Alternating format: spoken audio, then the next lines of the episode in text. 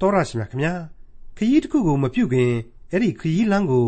ကြိုတင်ပြင်ဆင်ပေးထားတဲ့သူရှိခဲ့ရင်တော့ခရီးသွားရတာအင်မတန်မှအဆင်ပြေပါလိမ့်မယ်ကိုသွားမဲ့ခရီးအတွက်ကြိုတင်ပြင်ဆင်ပေးထားသူမရှိခဲ့ဘူးဆိုရင်တော့အဲ့ဒီခရီးလမ်းဟာမခက်ခဲအောင်တောင်မှပြင်မနိုင်ပါတယ်ယေရှုခရစ်တော်သခင်ဖျားဒီလောကကမ္ဘာမြေကြီးပေါ်ကိုလူသားစာတိအသွင်ခံယူကြွဆင်းလာတော်မူမဲ့လမ်းကိုပြင်ဆင်ပေးကြရသူရှိခဲ့ပါတယ်။ ယေရှုခရစ်တော်သခင်ဖျားဒီကမ္ဘာမြေကြီးပေါ်ကို လူသားစာတိအသွင်ခံယူကြွဆင်းလာတော်မူမဲ့အကြောင်းဟိုးရှိမစွာကလေးကကြိုတင်ပြရိတ်ပြုချက်တွေရှိခဲ့တယ်လို့ယေရှုခရစ်တော်သခင်ဖျားရဲ့လာရလမ်းကိုကြိုတင်ပြင်ဆင်ပေးတဲ့သူရှိမဲ့အကြောင်းဟိုးရှိမစွာကလေးကကြိုတင်ပြရိတ်ပြုချက်ရှိထားခဲ့တာကိုဒီကနေ့သင်သိရသောတမန်ကျမ်းစီအစဉ်မှာလေ့လာမှာဖြစ်တဲ့ခရိယန်တမန်ကျမ်းရဲ့ဓမ္မဟောင်းကျမ်းပိုင်းတွေကဟေရှာယအနာဂတိကျမ်းအခန်းကြီး40နဲ့ အခန်းကြီး41တို့မှာတွေ့ရမှာဖြစ်ပါတယ်။ဘလောက်ပဲဆင်းရဲနှုံချနှိမ့်ချလာတဲ့သူဖြစ်ပါစေတစ်ချိန်ချိန်မှာချမ်းသာကြွယ်ဝမြင့်မားလာတဲ့သူဖြစ်နိုင်ပါတယ်။ဘယ်လိုနည်းဘယ်လိုပုံနဲ့ဖြစ်နိုင်တယ်လဲဆိုတာကို တွေ့ရမှာလည်းဖြစ်တဲ့ဟေရှာယအနာဂတိကျမ်းအခန်းကြီး40နဲ့အခန်းကြီး41တို့ကိုဒေါက်တာထွန်းမြတ်အေးကအခုလိုလေ့လာရှင်းလင်းဖော်ပြมาဖြစ်ပါတယ်။ဒီကနေ့ဒီအချိန်မှာတော့ဟေရှာယအနာဂတိကျမ်းရဲ့ အပိုင်းအခြားကြီး၃ပိုင်းခြားနာထားတဲ့အထက်ကနောက်ဆုံးသောအပိုင်းကိုစတင်ရောက်ရှိလို့လာပါပြီ။ဒီအကြောင်းတွေကိုကျွန်တော်တို့ဟာပြီးခဲ့တဲ့ဟေရှာယသင်ခန်းစာတွေမှာကတည်းကဖော်ပြထားခဲ့ပြီးလည်းဖြစ်ပါတယ်။ပြီးခဲ့တဲ့သင်ခန်းစာနှစ်ခုမှာတုန်းကဆိုရင်ဒုတိယပိုင်းဖြစ်တဲ့ဓမ္မသမိုင်းဖြစ်စဉ်တွေကိုကျွန်တော်တို့ကြားပြတ်လေ့လာခဲ့ကြရပါတယ်။သူ့မတိုင်ခင်အပိုင်းတုန်းကဆိုရင်တော့ဘုရားသခင်ရဲ့ဣသရေလလူအဖွဲ့အစည်းနဲ့တကွာသမိုင်းဝင်နိုင်ငံတော်ကြီးတွေလူအဖွဲ့အစည်းကြီးတွေကိုအပြစ်တင်ဆွဆွဲမှုတွေ စီရင်ဆုံးဖြတ်ချက်တွေဆိုတာကိုအရှိကြီးကျွန်တော်တို့တွေ့မြင်ခဲ့ကြပြီဖြစ်ပါတယ်ဒီတော့အခုအပိုင်းဟာကျေးဇူးဂရုနာတော်ရဲ့အပိုင်းပဲလို့ကျွန်တော်တို့သတ်မှတ်ကြရလိမ့်မယ်လို့ကျွန်တော်ဆိုချင်ပါတယ်နှစ်သိမ့်ကြစီဆိုပြီးတော့ခေါင်းစဉ်သတ်မှတ်ရင်းနဲ့စတင်နားဆင်ကြည့်ကြပါစို့ရဲ့ဟေရှာယအနာဂတိကျမ်းအခန်းကြီး40အငယ်1နဲ့2သင်တို့၏ဘုရားသခင်မိန့်တော်မူသည်ကားငါ၏လူတို့ကိုနှစ်သိမ့်စေကြလော့နှစ်သိမ့်စေကြလော့စစ်မှုကိုထမ်းရသောအချိန်စေပြီ သင်၏အပြစ်လဲပြေရှင်းပြီဟုယေရုရှလင်မြို့အားနှစ်သိမ့်စေသောစကားကိုပြော၍ကြွေးကြော်ကြလော့အကြောင်းမူကားထာဝရဘုရား၏လက်တော်၌မိမိအပြစ်အတွက်နှစ်ဆခံရပြီအမင်္ဂလာဖြစ်မှုတွေခံယူရမယ့်တာဝန်တွေအကြောင်းကိုခြံထားရစ်ခဲ့ပြီးပြီခြံထားရစ်ခဲ့ပြီနှစ်သိမ့်စေကြလောဆိုတဲ့အသံဟာအခုအခန်းကြီး40ကစပြီးတော့လာမယ့်ကျမ်းတွေအပေါ်မှာပဲ့တင်ဟစ်ကြွေးသွားလို့နှစ်သိမ့်စေကြလော နှစ်သိမ့်စေကြလောဆိုတဲ့ကျေးဇူးဂရုဏာတော်ရဲ့သဘောတရားကိုဟေရှာယအနာဂတ်ဏိဂုံးတိုင်အောင်ဆက်လက်ပြီးတော့ကျွန်တော်တို့ခန်းစားထိတွေ့သွားပါလိမ့်မယ်အဲ့ဒီလိုနှစ်သိမ့်ကြစီဆိုတာဟာအပြစ်မှပြေရှင်းသောကြောင့်ဖြစ်တယ်ထာဝရဘုရား၏လက်တော်၌အပြစ်အတွက်နှစ်ဆပေးဆက်ခဲ့ပြီးလို့ပဲဖြစ်တယ်ဆိုတာကိုပါထည့်သွင်းထားပါတယ်နှစ်ဆတောင်ပေးဆက်ရတယ်ဆိုတော့မတရားဘူးလို့များထင်ပါသလားမိတ်ဆွေပြည့်ညတ်တော်ကာလမှာဆိုရင်လေအပြည့်အတွက်လေးစားတောင်မှပြန်ပြီးပေးရမယ်ဆိုတဲ့ ဥပရိသတစ်ခုကိုကျွန်တော်တို့တွေ့ထားခဲ့ရပါတယ်ပမာအဖြစ်ဒါဝိမင်းကြီးဟာသူများမယားကိုပြစ်မှားပြီးတော့သူ့လင်ကိုသေရင်းစီအထိပို့ခဲ့တယ်ဒီအပြစ်ကိုမရှင်းရမချင်းဒစိမ့်စိမ့်အပြစ်ဒဏ်တွေကိုလှိမ့်ပိတ်ပြီးခံရတယ်အိတ်တဲ့အချိန်မှတောင်မှ၆လှန်တယ်အယိုးတွေဆွေးမတက်ထိခိုက်ခဲ့ရတယ်အပြစ်ကိုပြန်ပြီးပေးဆက်ရတဲ့အခါမှာလေသားကြီး၄ယောက်ရဲ့အသက်ကိုပေးလိုက်ရတယ်။သေဆုံးတဲ့အချိန်အထိဘုရားသခင်ကိုဖက်တွယ်နှိုင်လွန်းလို့သားလျင်သက်သာရရတယ်။စိတ်တွေညှိုးချုံကျသွားခဲ့ရတယ်ဆိုတာတွေ့ကို ကျွန်တော်လေ့လာခဲ့ကြပြီဖြစ်ပါတယ်။ပြည့်ညတ်တော်တွေတီကာစားအသင်းတော်တွေတီကာစားဆိုတဲ့အလွန်အလွန်အကဲဆက်တဲ့အချိန်မျိုးမှာဆိုရင်လေစီကံကလေးအနည်းငယ်ဖောက်မိဒါနဲ့တောင်မှအသက်တွေကိုတောင်စွန့်ကြရသေးတယ်ဆိုတဲ့ပေးဆက်ရခြင်းပုံသဏ္ဍာန်တွေအမျိုးမျိုးကိုကျွန်တော်တို့တွေ့ရပြီလေဖြစ်ပါတယ်။ဒါကြောင့်နှစ်ဆပေးဆက်ရခြင်းဆိုတာဟာစမ်းကြဲတဲ့ကိစ္စမဟုတ်ဘူးအကျွင်းမဲ့စီရင်ပိုင်သောသခင်ဟာဆယ်စမတောင်းရင်ပဲတော်လာပြီလို့ကျွန်တော်ဆိုချင်ပါတယ်နှစ်သိမ့်ကြစေအပြစ်ပြေပြီလို့ အဲ့ဒီလိုဏ္ဍန်ပြိုးပြီးတာနဲ့အလွန်ကောင်းတဲ့နှစ်သိမ့်ခြင်းရဲ့အဖြစ်အပြစ်ဖြေရှင်းခြင်းရဲ့အခြေခံအကြောင်းတရားတွေကိုဟေရှာယမှတဆင့်အခုလိုဘုရားသခင်ဆက်လက်ဖော်ပြပေးလိုက်ပါတယ်ဟေရှာယအနာဂတိကျမ်းအခန်းကြီး40အငယ်3မှ5တော၌ဟစ်ကြော်သောသူ၏အသံမှထာဝရဘုရားကြွတော်မူရာလမ်းကိုပြင်ကြလော့ငါတို့ဘုရားသခင်၏လမ်းခရီးတော်ကိုလွင်ပြင်၌ဖြောင့်စေကြလော့ဂျိုင်ဖွမ်းရာရှိသမျှတို့ကိုဖို့ရမည်တောင်ကြီးတောင်ငယ်ရှိသမျှတို့ကိုဖြိုရမည် ကောက်သောလမ်းများကိုဖြောင့်စေရမည်ကြမ်းတမ်းသောလမ်းများကိုလည်းသုတ်သင်ပြင်ဆင်ရမည်ထာဝရဘုရား၏ဘုန်းတော်ပေါ်ထွန်း၍လူအပေါင်းတို့သည်အတူမြင်ရကြလက်တတ်ဟုထာဝရဘုရား၏နှုတ်တော်အတွက်အမိန့်တော်ရှိ၏ကဲထာဝရဘုရားကိုတော်တိုင်ကြွလာတော်မူမယ်တဲ့ဒီတဲ့ပြတ်သားတာရှင်းလင်းတာပြောင်ကျနေတာတော့မရှိတော့ဘူးလို့ကျွန်တော်ဆိုချင်ပါတယ်ဟုတ်ပါတယ်ခရစ်ဝင်ကျမ်းများအကုန်လုံးဟာခရစ်တော်ရဲ့ကယ်တင်ခြင်းကျေးဇူးတော်ဝမ်းမြောက်ဖွယ်ဧဝံဂေလိသတင်းစကားကို ခရစ်တော်ရဲ့ရှေ့ပြေးစေတမန်ဗတ္တိဇံဆရာယောဟန်အားဖြင့်အခုဟေရှာယရဲ့အသံကိုတစ်ခါပြန်ပြီးတော့တုံ့တင်ဟစ်ကြွေးပေးခဲ့ကြပြန်ပါတယ်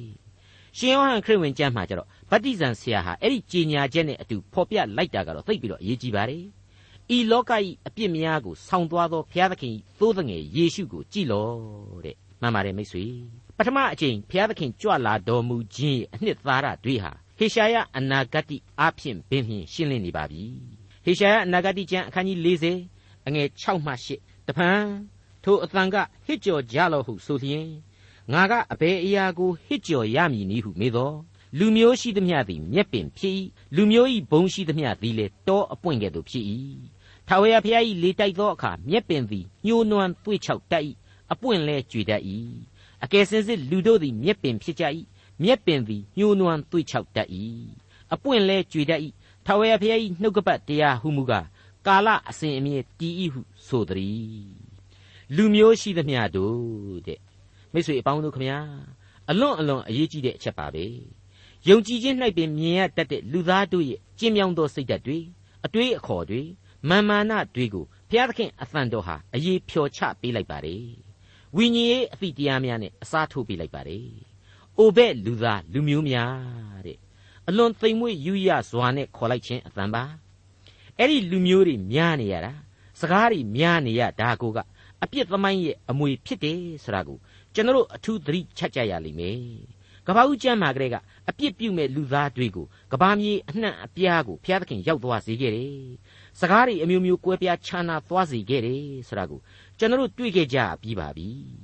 အခုအချိန်မှလူမျိုးရှိသမျှတို့လို့ခေါ်ဝေါ်လိုက်သံဟာ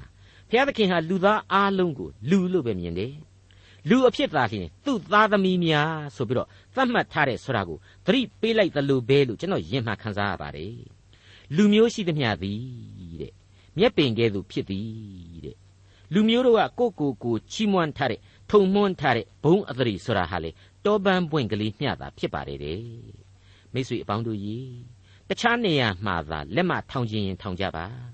ဖျားသခင်နဲ့ပတ်သက်လို့ကတော့လုံးဝအလျှော့ပေးကြရလိမ့်မယ်အကျွင့်မဲ့သူ့ကိုခေါင်းညှိပြကြရလိမ့်မယ်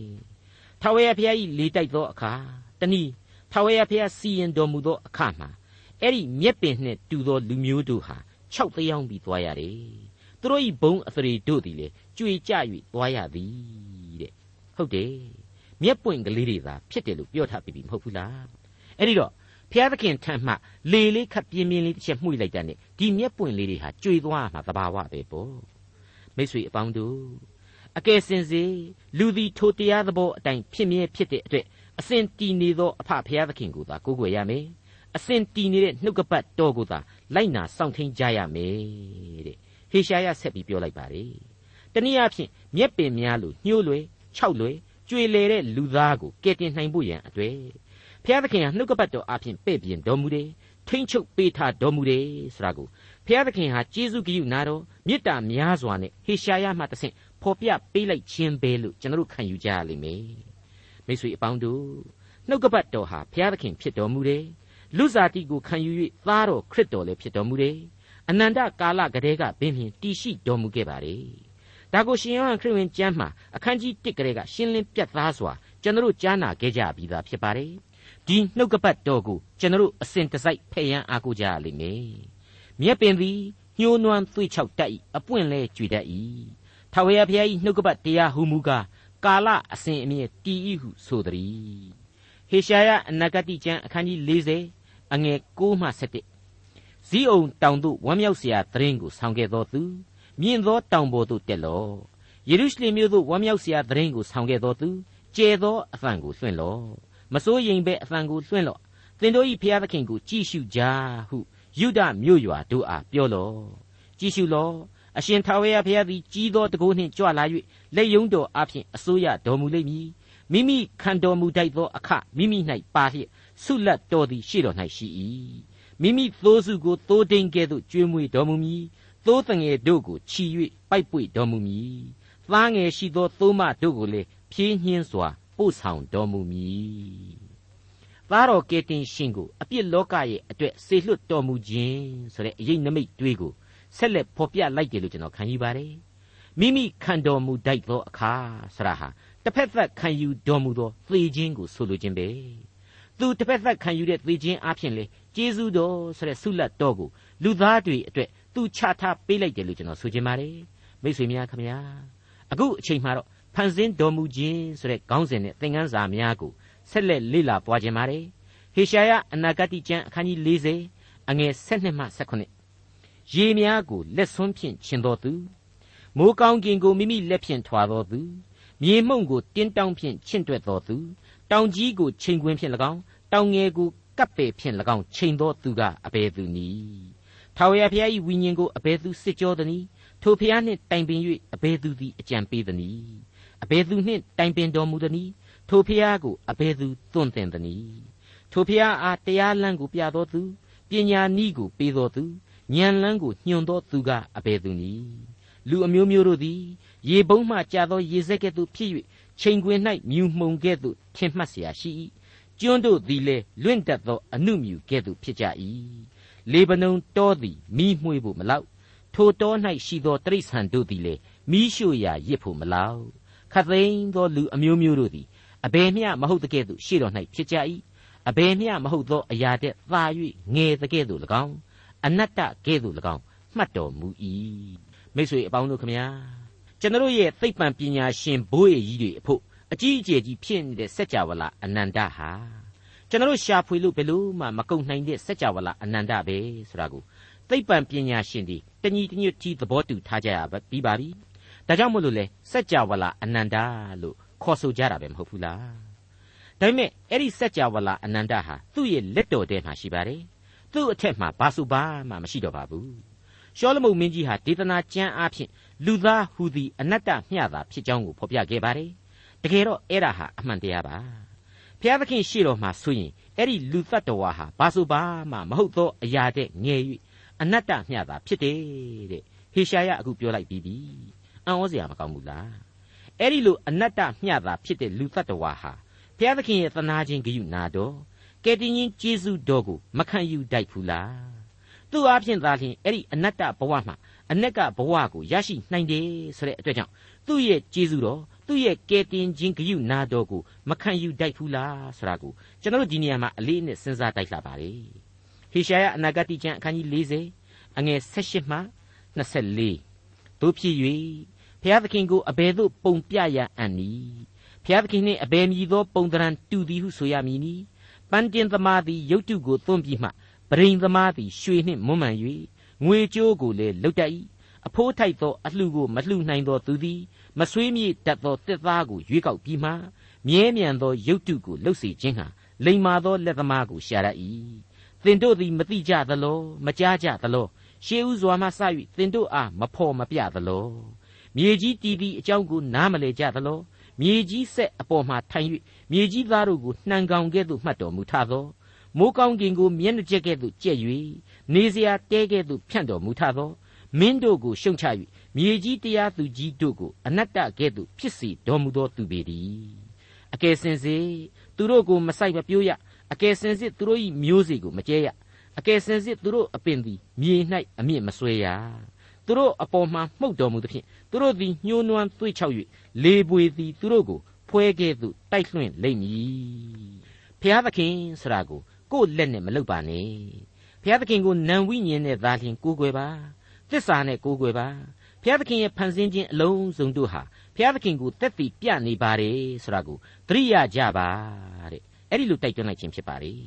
ဟုတ်ပါတယ်ဟေရှာယအနာဂတိကျမ်းအခန်းကြီး40 အငယ်25နဲ့26ဟာအခုလိုဖော်ပြလိုက်ပါတယ်တို့ဖြစ်၍ငါ့ကိုအဘယ်သို့ပုံပြရအံ့နည်းငါသည်အဘယ်သူနှင့်တူရအံ့နည်းဟုတန်ရှင်းသောဖျားမေးတော်မူ၏အထက်သို့မျှော်ကြည့်ကြလော့ထိုအရာတို့ကိုအဘယ်သူဖန်ဆင်းသနည်းထိုသူသည်သူတို့အလုံးအင်းကိုအရေးအတွက်အားဖြင့်ထုတ်ဆောင်တော်မူ၏အလုံးစုံတို့ကိုနာမည်ဖြင့်ခေါ်တော်မူ၏ခွန်အားကြီး၍တကိုးနှင့်ပြည့်စုံတော်မူသောကြောင့်တစုံတစ်ခုမျှမပေါ်ဘဲမနေရမိတ်ဆွေ အဲ့ဒီလိုဟေရှာယအနာဂတိကျမ်းကဖော်ပြနေတာတွေဟာဆာလံဆရာရဲ့ကျေးဇူးတော်ချီးမွမ်းသံကိုပြန်လည်အမှတ်ရရှိစေပါတယ်ရှစ်ခုမြောက်သောဆာလံအငယ်၃မှာဖော်ပြတဲ့အချက်ဖြစ်ပါတယ်အဲ့ဒီဆာလံပြီးခြင်းမှာလက်ညှိုးတော်အလုတ်ကြီးဟုသောကိုတော်ဤမိုးကောင်းခြင်းနှင့်ပြင်ဆင်တော်မူသောလနှင့်ကြည်များဆိုပြီးတော့ဆာလံဆရာဖော်ပြထားပါတယ်အဲ့ဒီလိုပါပဲ16ခုမြောက်သောဆာလံမှာကျတော့အငယ်1ကနေ4အရာမိုးကောင်းခြင်းသည်ဖျားသခင်ဘုံအသရေတော်ကိုကြားပြော၍ မိုးမြင့်တဲ့ချက်သည်လက်တော်နှင့်လှုပ်သောအရာများကိုပြသ၏တနေ့ကိုတနေ့မွဲဆို၍တညကိုတညသွန်သင်၏နှုတ်မွဲခြင်းစကားပြောခြင်းမရှိသူတို့နှုတ်ထွက်သံကိုမကြားရတော့လေသူတို့၏အသံသည်မြေတပြင်လုံး၌နှံ့ပြား၍သူတို့၏စကားသည်မြေကြီးစွန်းတိုင်အောင်ရောက်လေ၏အလွန်ရှင်းလင်းပြသနေတဲ့ကျေးဇူးတော်နဲ့စီရင်တော်မူခြင်းတွေဖြစ်ပါတယ်ကျွန်တော်မိษွေတို့မော်ပြီးတော့ကြည့်ရင်တွေ့မြင်ရတဲ့ကောင်းကင်လောကကိုအလုံးအရင်နဲ့ကိုတော်တိဆောက် နာမည်တွေအသီးသီးနဲ့မှဲ့ခေါ်ထားပါတယ်တဲ့သူခေါ်လိုက်တဲ့အခါမှာအားလုံးတို့ဟာသူ့ဩဇာအာဏာကိုလက်ခံကြရပါတယ်သူ့ရဲ့ခေါ်သံကိုအမိန့်တော်ကိုနားညောင်းကြရပါတယ်မိတ်ဆွေများခမညာအခုချိန်မှာတော့အိုဘဲလူသားသင်စင်စားဆိုတဲ့ခေါင်းစဉ်နဲ့ဟေရှာယအနာဂတိကျမ်းအခန်းကြီး40ကိုအဆုံးသတ်ခြင်းပါတယ်ဟေရှာယအနာဂတိကျမ်းအခန်းကြီး40အငယ်28မှ31အိုးယာကုပ်အမျိုး သင်သွားသောလမ်းကိုထာဝရဘုရားသိတော်မမူဟုအဘယ်ကြောင့်ပြောသနည်းအိုဣသရေလအမျိုးသင်အမှုကိုသင်ဤဘုရားသခင်မှတ်တော်မမူဟုအဘယ်ကြောင့်ဆိုရသနည်းထာဝရဘုရားသည်အစဉ်အမြဲတည်တော်မူသောဘုရားသခင်ဖြစ်ကြောင်းကို၎င်းမြေကြီးစွန်းတိုင်အောင်ဖန်ဆင်းတော်မူသောအရှင်ဖြစ်ကြောင်းကို၎င်းမောတော်မူခြင်းပင်ပန်းတော်မူခြင်းမရှိစစ်၍မကုံနိုင်သောဉာဏ်နှင့်ပြည့်စုံတော်မူကြောင်းကို၎င်းသင်သည်မသိမကြားဘူးသလော ထိုဖျားသည် မောသောသူတို့အားခွန်အားကိုပေးတော်မူ၏နွမ်းနယ်သောသူတို့အားအစွန်းတတ္တိနှင့်ပြည့်စုံသောအခွင့်ကိုပေးတော်မူ၏လူပြိုတို့သည်မော၍ပင်ပန်းခြင်းသို့ရောက်ကြလိမ့်မည်လူလင်တို့သည်လည်းထိမိ၍လဲကြလိမ့်မည်ထာဝရဘုရားကိုမျှော်လင့်သောသူတို့မူကားအားပြည့်ကြလိမ့်မည်ရွှေလင်းတာကဲ့သို့မိမိတို့အတောင်ကိုအသစ်ပြုပြင်ကြလိမ့်မည်ပြေးတော်လည်းမပင်ပန်းခยีသွားသောအခါမမောရကြမိတ်ဆွေအပေါင်းတို့ အိုဘက်လူသားသင်စင်စားဆိုတဲ့အတိုင်းပဲစဉ်းစားဆင်ခြင်ဖို့အချက်တွေကိုတွေ့ရပါတယ်ဘာကိုအဓိကစဉ်းစားရမလဲဆိုတော့ဘုရားသခင်ရဲ့ဘုန်းတကူတော်ကြီးမြတ်တော်မူခြင်းရဲ့ကိုဆိုတဲ့လူသားရဲ့အားနည်းချက်တို့ကိုဆင်ခြင်စဉ်းစားရန်ပဲဖြစ်ပါတယ်မောသောသူတို့ကိုခွန်အားနဲ့ပြည့်စုံစေတယ်နွမ်းနယ်သောသူတို့ကိုအစွန်းတတ်နေတဲ့ပြည့်စုံစေတယ်ဆိုတာဒီကိုဖော်ပြပေးရင်းနဲ့သူ့ကိုခိုးလှုံခြင်းမရှိရင်လူပြိုနဲ့လူလင်တို့မှပင်လျင်မောကြရတယ်ပင်ပန်းကြရတယ် ခြေပြစ်လက်ပြစ်ဖြစ်သွားကြရတယ်ဆိုတာကိုပါအထူးသတိပေးဖော်ပြပေးလိုက်ပါတယ်ပြေးတော်လည်းမပင်ပန်းခยีသွားသောအခါမမောရကြဆိုတဲ့အချက်အားဖြင့်ဘုရားသခင်ကိုကိုးကွယ်သူမှာအသက်တာအတွင်းပြေးရတဲ့တာဝန်တွေရှိတဲ့အခါရှိလိမ့်မယ်ခยีသွားရတဲ့တာဝန်တွေလည်းရှိတဲ့အခါရှိရလိမ့်မယ်ဆိုတဲ့သဘောကိုတွေ့ရပါတယ်ဘုရားသခင်မှာတဆင့်ဘုရားသခင်ဟာလူမျိုးအားလုံးတို့အတွက်အလင်းတရားကိုညွှန်ပြလိုက်သလိုလူသားတို့နဲ့ထိုက်တန်တဲ့တာဝန်များကိုလည်း ချထားပေးလိုက်ကြောင်းတင်ပြလိုက်ပါရစေမိတ်ဆွေအပေါင်းတို့အခုချိန်မှာတော့ဘုရားသခင်ရဲ့ကြီးမြတ်တော်မူခြင်းကိုတွေ့ရတဲ့ကျွန်တော်တို့အဖို့ဆက်လက်ပြီးတော့ဆင်ခြင်နှလုံးသွင်းရန်အချက်တွေးကိုအခန်းကြီး41အားဖြင့်ဆက်လက်ဖော်ပြပေးသွားအောင်မှာဖြစ်ပါတယ်အခန်းကြီး41အငယ်1မှ4တကြွတနိုင်ငံအရတ်တို့ငါရှိမှငြင်းဝတ်စွာနေကြလူအမျိုးမျိုးတို့အားဖြည့်ကြချင်းကပ်၍ပြောကြတရားတွေ့ကြကုန်အံ့ဖြောင့်မတ်ခြင်းမင်္ဂလာလိုက်တတ်သောသူကို အရှိပြည်ကအဘယ်သူပေါ်လာစေသနည်းလူအမျိုးမျိုးတို့ကိုသူ၌အပ်၍ရှင်ဘရင်တို့ကိုအုပ်ဆိုးစေခြင်းဟာအဘယ်သူစီရင်သနည်းရန်သူတို့ကိုသူ၏ဓာရှိမှမြေမှုန့်ကဲ့သို့၎င်းသူ၏လေးရှိမှလွင့်သောဖွဲကဲ့သို့၎င်းအဘယ်သူဖြစ်စေသနည်းရန်သူတို့ကိုလိုက်ရ၏မိမိခြေမနှင်းဘူးသောလမ်းဖြင့်ဘေးမရှိလွန်သွားရ၏ထိုအမှုများကိုစီရင်ဖန်ဆင်းလျက်ရှေးဥစွာမှစ၍လူမျိုးအစဉ်အဆက်တို့ကိုခေါ်သောသူသည် အဘယ်သူနည်းဟုမူကားအူးဆုံးသောသူဖြစ်၍နောက်ဆုံးသောသူတို့နှင့်ရှိသောငါထာဝရဘုရားပေတည်းမိတ်ဆွေ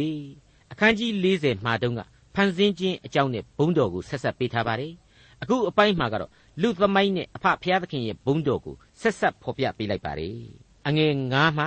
16တကြွတနိုင်ငံအရက်တို့သည်မြင်၍ကြောက်ကြ၏မြေကြီးစွန်းသားတို့သည်ထိတ်လန့်သောစိတ်နှင့်ချင်းကပ်၍စုဝေးကြ၏ အိမ်နီးချင်းတယောက်ကိုတယောက်မဆ၍ညီအကိုချင်းတယောက်ကိုတယောက်မစိုးရိမ်နှင့်ဟုဆိုကြ၏ထို့သောပန်းတင်သမားသည်ပန်းတိန်သမားကိုနှိုးဆော်တတ်၏တန်တူနှင့်ချောစေသောသူသည်ပေပေါ်မှရိုက်သောသူကိုလည်းနှိုးဆော်၍ဂဟေကောင်းသည်ဟုဆိုတတ်၏ရုတ်တုကိုမလှုပ်ရှားစေခြင်းဟာတန်ကြွနှင့်ရိုက်ထားတတ်၏ငါကျွန်ဣသရေလငါရွေးချယ်သောသူယာကုပ်ငါအဆွေအာဗြဟံ၏သားမြေကြီးအစွန်းအနားမှငါလက်ဆွဲ၍ခေါ်တော်သူ သင်သည်ငါကျွန်ဖြစ်၏ဟု၍၎င်းသင်ကိုငါရွေးချယ်ပြီးသင်ကိုငါမပြစ်မပယ်ဟု၍၎င်းဂတိကိုခံရတော်သူမစိုးရိမ်နှင့်ငါသည်သင်ဘက်မှရှိ၏မကြောက်နှင့်သင်၏ဖျားသခင်ငါသည်သင်ကိုခိုင်ခံ့စေမည်သင်ကိုစောင့်ပါမည်ငါသစ္စာလဲရလက်ဖြင့်ထောက်ပင့်မည်သင်၌အမျက်ထွက်သောသူတို့သည်ရှက်ကြောက်ခြင်းနှင့်မျက်နှာပြက်ခြင်းရှိကြလိမ့်မည်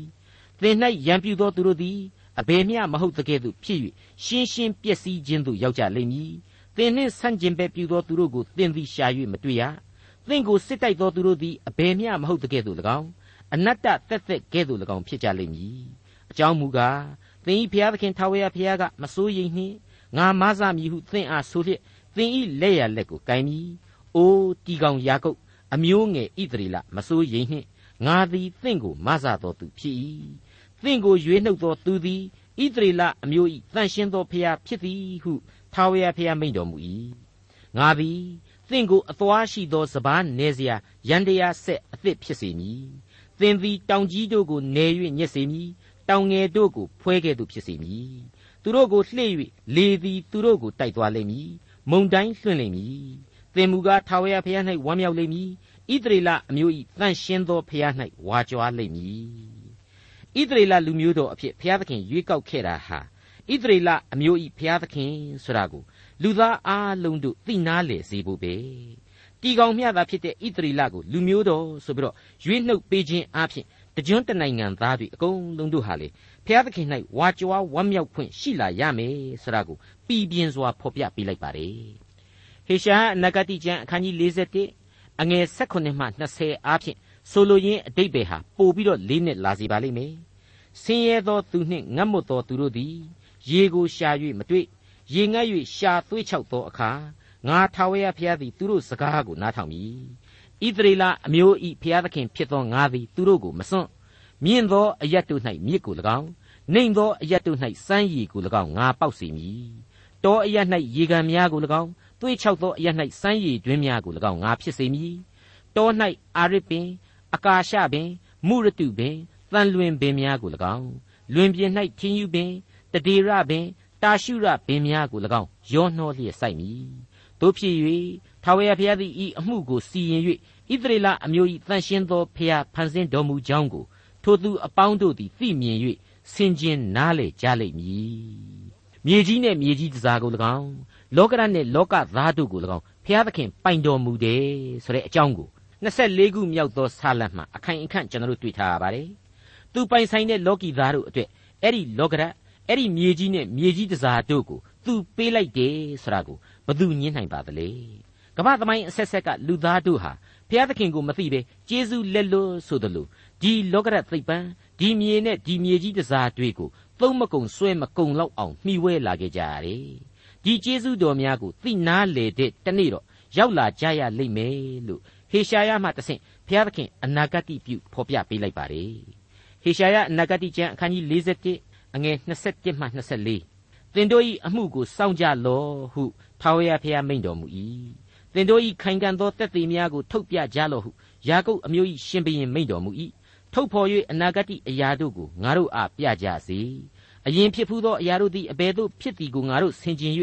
ထိုအရာတို့၏အဆုံးကိုသိရမည်အကြောင်းဖော်ပြကြစေသို့မဟုတ်ဖြစ်လက်တန်သောအရာတို့ကိုငါတို့အားဟောပြောကြစေသင်တို့သည်ဖျားဖြစ်သည်ကိုငါတို့သိရမည်အကြောင်း ဖြစ်လက်တန်သောအရာတို့ကိုပြကြလော့အချင်းချင်းတယောက်ကိုတယောက်ကြည့်ရှုတွေ့မြင်မည်အကြောင်းကောင်းသောအမှုဆိုးသောအမှုတစ်စုံတစ်ခုကိုပြုကြလော့သင်တို့သည်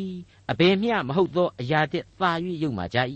သင်တို့အမှုလည်းအဘယ်မျှမဟုတ်သောအမှုတဲ့သာ၍ယုံမှ၏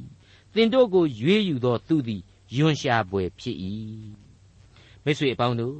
ဒီအပိုင်းမှာအမှတ်တမဲ့ဆိုရင်ဟေရှာယကနေတဆင့်အပြစ်တင်ကြိမ်းမောင်းတယ်လို့တွေးเสียဖြစ်ပါတယ် လုံးဝမဟုတ်ပါဘူးမင်းတို့ဟာဘုရားသခင်ရဲ့သားသမီးများပြီးပြီးရှင်သန်ပြကြစမ်းပါအနတ္တနဲ့အပြစ်ဘဝကနေလွတ်မြောက်အောင်အပြေရှာကြစမ်းပါဆိုတာကိုဖော်ပြပေးလိုက်တာပဲဖြစ်ပါတယ်တိုက်တွန်းပေးလိုက်တာပဲဖြစ်ပါတယ်ဟဟေရှာယအနာဂတိကျမ်းအခန်းကြီး41အငယ်25မှ29အဆုံးအထိမြောက်မျက်နှာ၌လူတစ်ယောက်ကိုငါပေါ်ထွန်းစေ၍သူသည်လာလိမ့်မည်နေထွက်ရာမှလာ၍ငါနာမကိုပထနာပြုလိမ့်မည်အိုးဒိန်သမားသည်အိုးမြေကိုနင်းတကယ်သို့ ထိုသူသည်မင်းတို့ကိုအိုးမြေအမှတ်နှင့်ကြော်နင်းလိမ့်မည်ငါတို့သည်သိရမည်အကြောင်းရှေးဥစွာမှစ၍အဘယ်သူသည်ဟောပြောသနည်းမှန်ပေ၏ဟုငါတို့သည်ဆိုရမည်အကြောင်းရှေးမဆွကအဘယ်သူသည်ဟောပြောသနည်းဖော်ပြသောသူတယောက်မျှမရှိဟောပြောသောသူတယောက်မျှမရှိသင်တို့စကားကိုကြားသောသူတယောက်မျှမရှိဤမည်သောအမှုတို့သည်ဖြစ်ကြလိမ့်မည်ဟုရှေးဥစွာငါသည်ဇိယုန်မြို့အားပြော၏ဝမ်းမြောက်စရာသတင်းကိုကြားပြောသောတမန်ကိုလည်း ယေရုရှလင်မြို့သို့ငါစေလွှတ်၏သူတို့ကိုငါကြည့်ရှုသောအခါတစုံတယောက်မျှမရှိသူတို့သည်သတိပေးသောသူတယောက်မျှမရှိပြန်ပြောစေခြင်းဟာသူတို့ကိုငါမေးမြန်းတော်လေသူတို့သည်အကျွင့်မဲ့အနတ္တဖြစ်ကြ၏သူတို့အမှုများလေအဘယ်မျှမဟုတ်သူတို့သွန်းသောရုပ်ထုတို့လေအတ္တမရှိလေတက်တက်ဖြစ်ကြ၏အခန်းကြီး41ရဲ့အစပိုင်းမှာတုန်းကဖြောင့်မတ်ခြင်းမင်္ဂလာကိုလိုက်တတ်သောသူကို အရှိပြီကအဘယ်သူပေါ်လာစေသနည်းရဲ့လို့တွေ့ရတယ်အခုကျတော့မြောက်မျက်နှာ၌လူတစ်ယောက်ကိုငါပေါ်ထွန်းစေ၍သူလာလိမ့်မည်ဆိုတာကိုတွေ့ရပါတယ်အဲ့ဒါနဲ့ပတ်သက်ပြီးတော့သူတေတီတွေအနေနဲ့အဖြေအမျိုးမျိုးထုတ်ကြပါတယ်အထက်ပိုင်းအရှိအရက်ကလူဆိုတာဟာဣသရီလကိုကုညီမဆသူဒါကြောင့်မလို့ဘာပုလုံရဲ့ကျွန်ဘဝကလွတ်ပေးတဲ့ပါရှားဘရင်ကုရှာဖြစ်ရလိမ့်မယ်အခုမြောက်အရက်ကလူကတော့နင်းမဲ့ခြေမဲ့လူဒါကြောင့်မလို့ဘာပုလုံဘရင်နေပုခနေစာဖြစ်ရမယ်စသည်စသဖြင့်ပါ တွေးနိုင်ကြပါတယ်ခေါ်နိုင်ကြပါတယ်အဖြေရှာနိုင်ကြပါတယ်ဒါပေမဲ့ဘုရားသခင်အဓိကမှားကြားလိုက်တာကတော့တကြွတနိုင်ငံအရတ်တို့ငါရှိမှငြိမ်းဝတ်စွာနေကြလူအမျိုးမျိုးတို့အားဖြည့်ကြချင်းကပ်၍ပြောကြတရားတွေ့ကြဂုံအံ့ဆိုတဲ့အချက်ပါပဲသူနဲ့အတူအရာရာကိုဖြည့်ရှင်းနိုင်ဖို့အခွင့်အရေးကိုသူပေးအပ်ထားပါတယ်ဒီအခွင့်အရေးအားဖြင့်လေအလွန်ကောင်းမွန်တဲ့ဂရိတော်တစ်ခုဟာတည်ပြီးဖြစ်ပါတယ်လာကြတရားစီရင်ကြကုန်အံ့သင်တို့အပြစ်သည်หนีသောအစဉ်ရှိတော်လေ မိုးပွင့်ကဲ့သို့ဖြူလိမ့်မည်ဂရိဘာနီနှင့်အမျှหนีတော်လေသိုးမွေးကဲ့သို့ဖြစ်လိမ့်မည်တဲ့ဒေါက်တာထွန်းမြတ်ရေးစီစဉ်တင်ဆက်တဲ့တင်ပြရတော်တမချန်းအစီအစဉ်ဖြစ်ပါတယ်နောက်တစ်ချိန်အစီအစဉ်မှာခရိယန်တမချန်းရဲ့ဓမ္မဟောင်းကျမ်းပိုင်းတွေကဟေရှယအနာဂတိကျမ်းအခန်းကြီး42အခန်းကြီး43နဲ့အခန်းကြီး44တို့ကိုလေ့လာမှဖြစ်တဲ့အတွက်စောင့်မျှော်နားဆင်နိုင်ပါတယ်။